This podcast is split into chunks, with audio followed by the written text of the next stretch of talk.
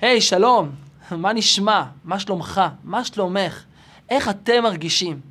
כמה חסר לנו היום המבט הכנה הזה, הדיבור האמיתי הזה, באמת להתעניין מה נשמע, איך אני מרגיש, איך את מרגישה.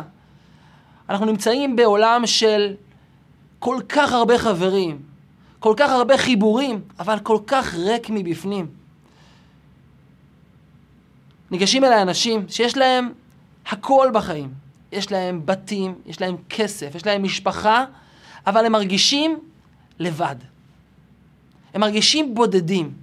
וזה כל כך נפוץ היום. יש מחקרים שמראים שדווקא היום, ודווקא במקומות שיש בהם המון כסף והמון עושר בעין, חסר העושר. יש בדידות, יש לבד, יש ריק. אז איך מתגברים על זה? איך מצליחים להיות מחוברים באמת? איך מצליחים להרגיש לא בודדים? להיות מלאים מבפנים? מה הנוסחה? האם אפשר היום להרגיש אדם מחובר, לא בודד, אדם שמח, אדם מאושר, אדם מלא, אדם שלם? בתפילות המיוחדות של ראש השנה ויום הכיפורים יש קטע מאוד מרגש. ותשובה ותפילה וצדקה מעבירין את רוע הגזרה. זה קטע שמאז שאני זוכר את עצמי כילד, כולם בבית הכנסת ממש עומדים עם דמעות בעיניים וצועקים את המשפט הזה, ותשובה ותפילה וצדקה מעבירין את רוע הגזרה. תשובה, תפילה, צדקה. יש קסם בשלוש מילים האלה שיכול לתת לנו את האפשרות להתגבר על הבדידות. ולפני שאתם בורחים ואומרים, הוא רוצה להחזיר אותנו בתשובה, לא, לא, לא, לא, זה לא הולך לקרות כאן. אנחנו רוצים לחשוב על המשמעות של המילים האלה, ותשובה ותפילה וצדקה.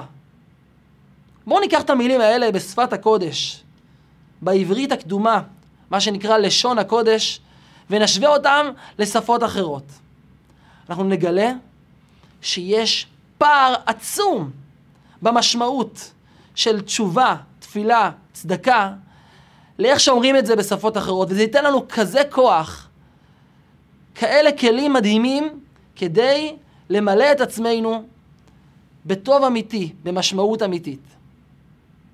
אז קדימה, דוברי האנגלית שבינינו, בואו נעשה את זה ביחד. תשובה באנגלית, איך אומרים? repentance. איך אומרים תפילה באנגלית? Prayer. איך אומרים צדקה באנגלית? charity, אוקיי? על פניו יש לנו תרגום מצוין, אבל האמת היא שהתרגום הזה הוא לא ממצה בכלל. אם נתרגם ממש ממש את המילים באנגלית או בכל שפה אחרת, נוכל לתרגם את זה כך: תשובה משמעותה חרטה, זה הפירוש repentance, תפילה משמעותה בקשה, זה הפירוש prayer, וצדקה משמעותה חסד, זה הפירוש charity, אוקיי? על פניו זה דומה. תשובה, תפילה, צדקה, חרטה, בקשה וחסד. דומה אבל שונה מאוד. בואו ניכנס לעומקם של הדברים ונקבל פשוט כלים מדהימים להיות מחוברים ולא להיות בודדים. שמעו סיפור. לפני 110 שנים, בחור צעיר בשם לייזר נאנס. אליעזר נאנס למד בישיבת חב"ד ברוסיה, ישיבה שהקים אותה הרבי החמישי של חב"ד, רבי שלום בר. הרבי שלו קורא לו ואומר לו, אני רוצה לבקש ממך לעשות שליחות חשובה. אתה נוסע למוסקבה, עיר הבירה, בשליחותי, כדי לבצע שם כמה פעולות שחשובות למען היהדות. לייזר נכנס לחרדה. הוא ידע שנסיעה ברכבת באותם ימים זה סכנת חיים ממש. ברחובות רוסיה הלבנה יש מלחמה בין האדומים ללבנים. האדומים שונאים את הלבנים, הלבנים שונאים את האדומים, אבל שניהם שונאים שנאת מוות את היהודים.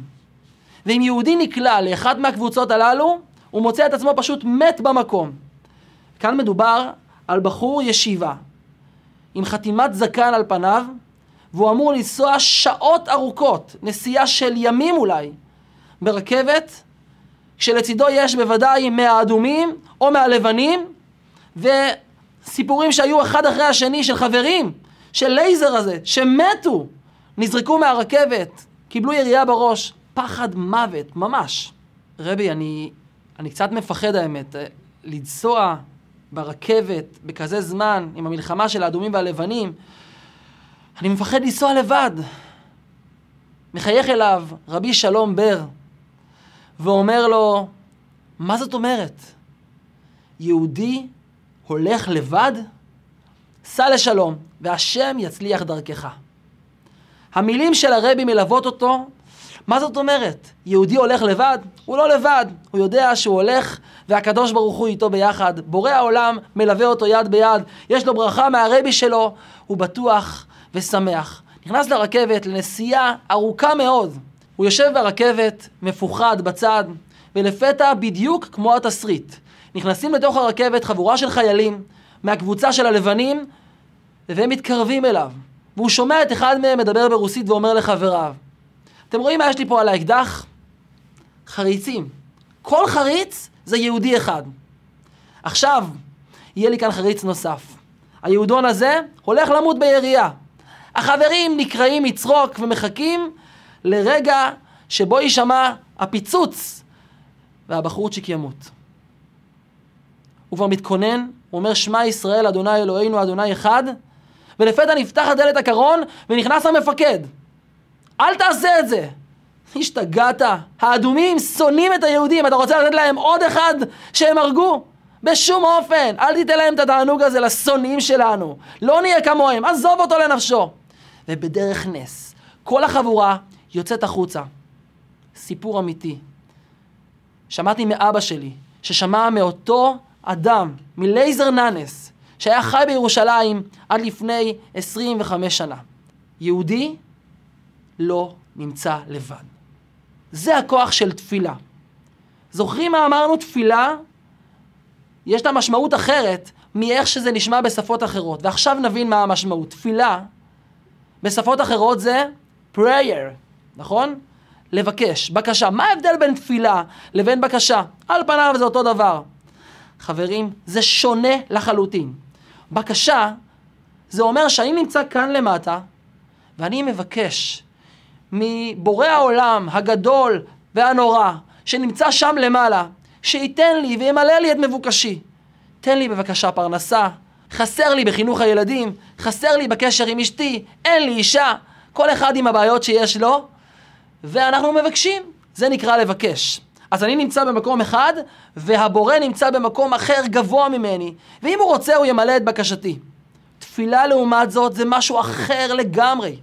תפילה משמעותה בעברית חיבור.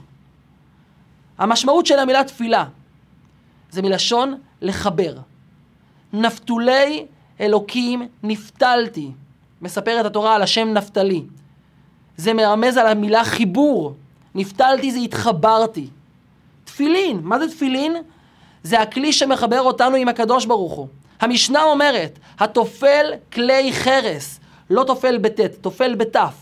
תופל כלי חרס זה אומר שכלי החרס שלי, כלי החרסינה שלי נפל ונשבר, ואני מחבר את שברי הכלי, זה נקרא לטפול. אם כך, מה זה תפילה? התחברות. אז לתפילה שלנו היהודים יש משמעות אחרת מבקשה. התפילה שלנו היא מחברת ביני ובין אלוקיי. בין אלוקיי וביני. אני והוא הופכים להיות דבר אחד. אני כבר לא לבד, הוא איתי ביחד.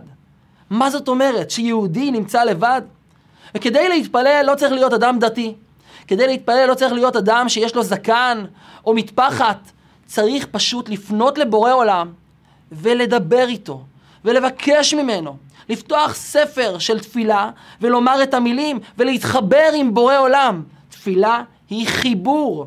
אז הכלי הראשון שקיבלנו כדי לא להיות בודדים, זה פשוט להתפלל. ככל שנתפלל יותר, נתחבר יותר. ובאורח פלא נרגיש יותר ויותר לא בודדים. יותר ויותר מחוברים עם בורא העולם. אז דיברנו כבר על הכלי הראשון, על תפילה. בואו נדבר על תשובה. בשפת הקודש זה נקרא תשובה, באנגלית זה נקרא חרטה. מה ההבדל בין תשובה לחרטה? שמיים וארץ. אתם יודעים, הרבה פעמים אנשים שואלים אותי אם אני חוזר בתשובה. ובדרך כלל מה שאני עונה להם זה שעוד לא חזרתי בתשובה. ואני ממש לא צוחק. אני עדיין לא חזרתי בתשובה שלמה. כי לחזור בתשובה זה לא להיות דתי. זה לא לשים כובע וחליפה וזקן שחור. זה לא נקרא לחזור בתשובה. לחזור בתשובה זה משהו שנמצא כאן בפנים. בואו נשים לב לדבר מדהים. מהי תשובה בשפת הקודש ומהי חרטה, כמו שקוראים לזה בשפות אחרות. להתחרט זה אומר, עשיתי משהו רע. מאוד רע, משהו שלילי, משהו לא טוב, ו- ואני רוצה פשוט להיות אדם אחר. אז אני מתחרט, אני יוצא מהבוץ והולך למקום אחר. אני שוכח מאיפה שהייתי, אני הולך למקום שהוא אחר לגמרי. זה נקרא להתחרט. תשובה, בעברית אמיתית, תשובה, המשמעות שלה זה לשוב הביתה, לשוב אל עצמי, להיות מי שאני באמת, להיות מחובר לעצמי.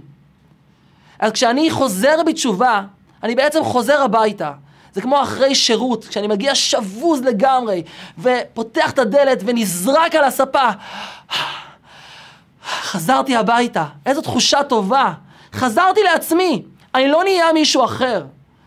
אז לחזור בתשובה, לעשות תשובה אמיתית, זה לחזור פנימה, אל תוך הלב, אל תוך הטוב האמיתי, אל תוך מי שאני באמת. ולשם כל אחד מאיתנו שואף. וכל אחד מאיתנו יכול להתקדם לשם יותר ויותר. אז זה הכלי השני שאנחנו מקבלים כדי להתחבר. לא רק להתחבר עם בורא עולם באמצעות התפילה, להתחבר אל עצמי. ככל שאני יותר מחובר עם עצמי, ככה אני גם ארגיש פחות בודד. אני ארגיש יותר מלא. אני ארגיש יותר משמעותי. אני ארגיש יותר שלם. מה נשאר לנו? צדקה. וגם כאן מדהים לגלות את הפער שיש בין המילה צדקה לבין איך שקוראים לזה בשפות אחרות, חסד, charity, או בשפות אחרות שתבחרו. מה ההבדל בין צדקה לבין חסד? חסד זה אומר שאני אדם מאוד מאוד טוב, אני אדם אלטרואיסטי, אדם באמת נשגב, והחלטתי בטוב ליבי לצאת מגדרי ולתת משהו למישהו אחר. זה באמת תחושה נפלאה, זה ממלא וזה נפלא וזה טוב. אבל יש לי בחירה, אני יכול לעשות את זה ואני יכול שלא לעשות את זה, ואם אני בוחר לעשות חסד עם מישהו אחר, אז אני באמת אדם מדהים, אין כמוני בכל העולם. צדקה זה משהו אחר לגמרי. צדקה זה מלשון צדק. ככה צריך להיות. יהודי חולק את מה שיש לו עם מישהו אחר. יש לי כסף, אני לוקח חלק מהכסף ונותן אותו לאדם שאין לו. לא בגלל שאני אדם מדהים, בגלל שכך בנוי צדק אמיתי. צדק חברתי אמיתי בנוי מאנשים שנותנים ואנשים שמקבלים. אז לא רק אם אני מרגיש הבוקר מאוד טוב עם עצמי, אני אלך ואתן למישהו אחר. לא רק אם קמתי הבוקר שמחה ומאושרת, אני אלך ואתן לחברה שלי. מן הצדק והיושר, זה הדבר הכי אנושי, בסיסי, הגיוני, ללכת ולתת מעצמי למישהו אחר. מדהים. זו הצדקה שאנחנו עושים, שאנחנו נותנים, שאנחנו משפיעים. זה החיבור עם החברה, החיבור עם הסביבה. זה יוצר חיבור אמיתי עם כל מי שמסביבי. אנחנו צריכים להרגיל את עצמנו פשוט לתת. להיות אנשים שמעניקים, שנותנים, שנותנים מהכסף של עצמנו גם לאנשים אחרים. אני זוכר שפעם נפלה לי מטבע על הרצפה והבן שלי הקטן הגיע אליי ואומר לי, אבא, נפל פה צדקה על הרצפה. הוא לא אמר נפלה כאן מטבע, נפל כאן שקל, הוא אמר נפלה כאן צדקה.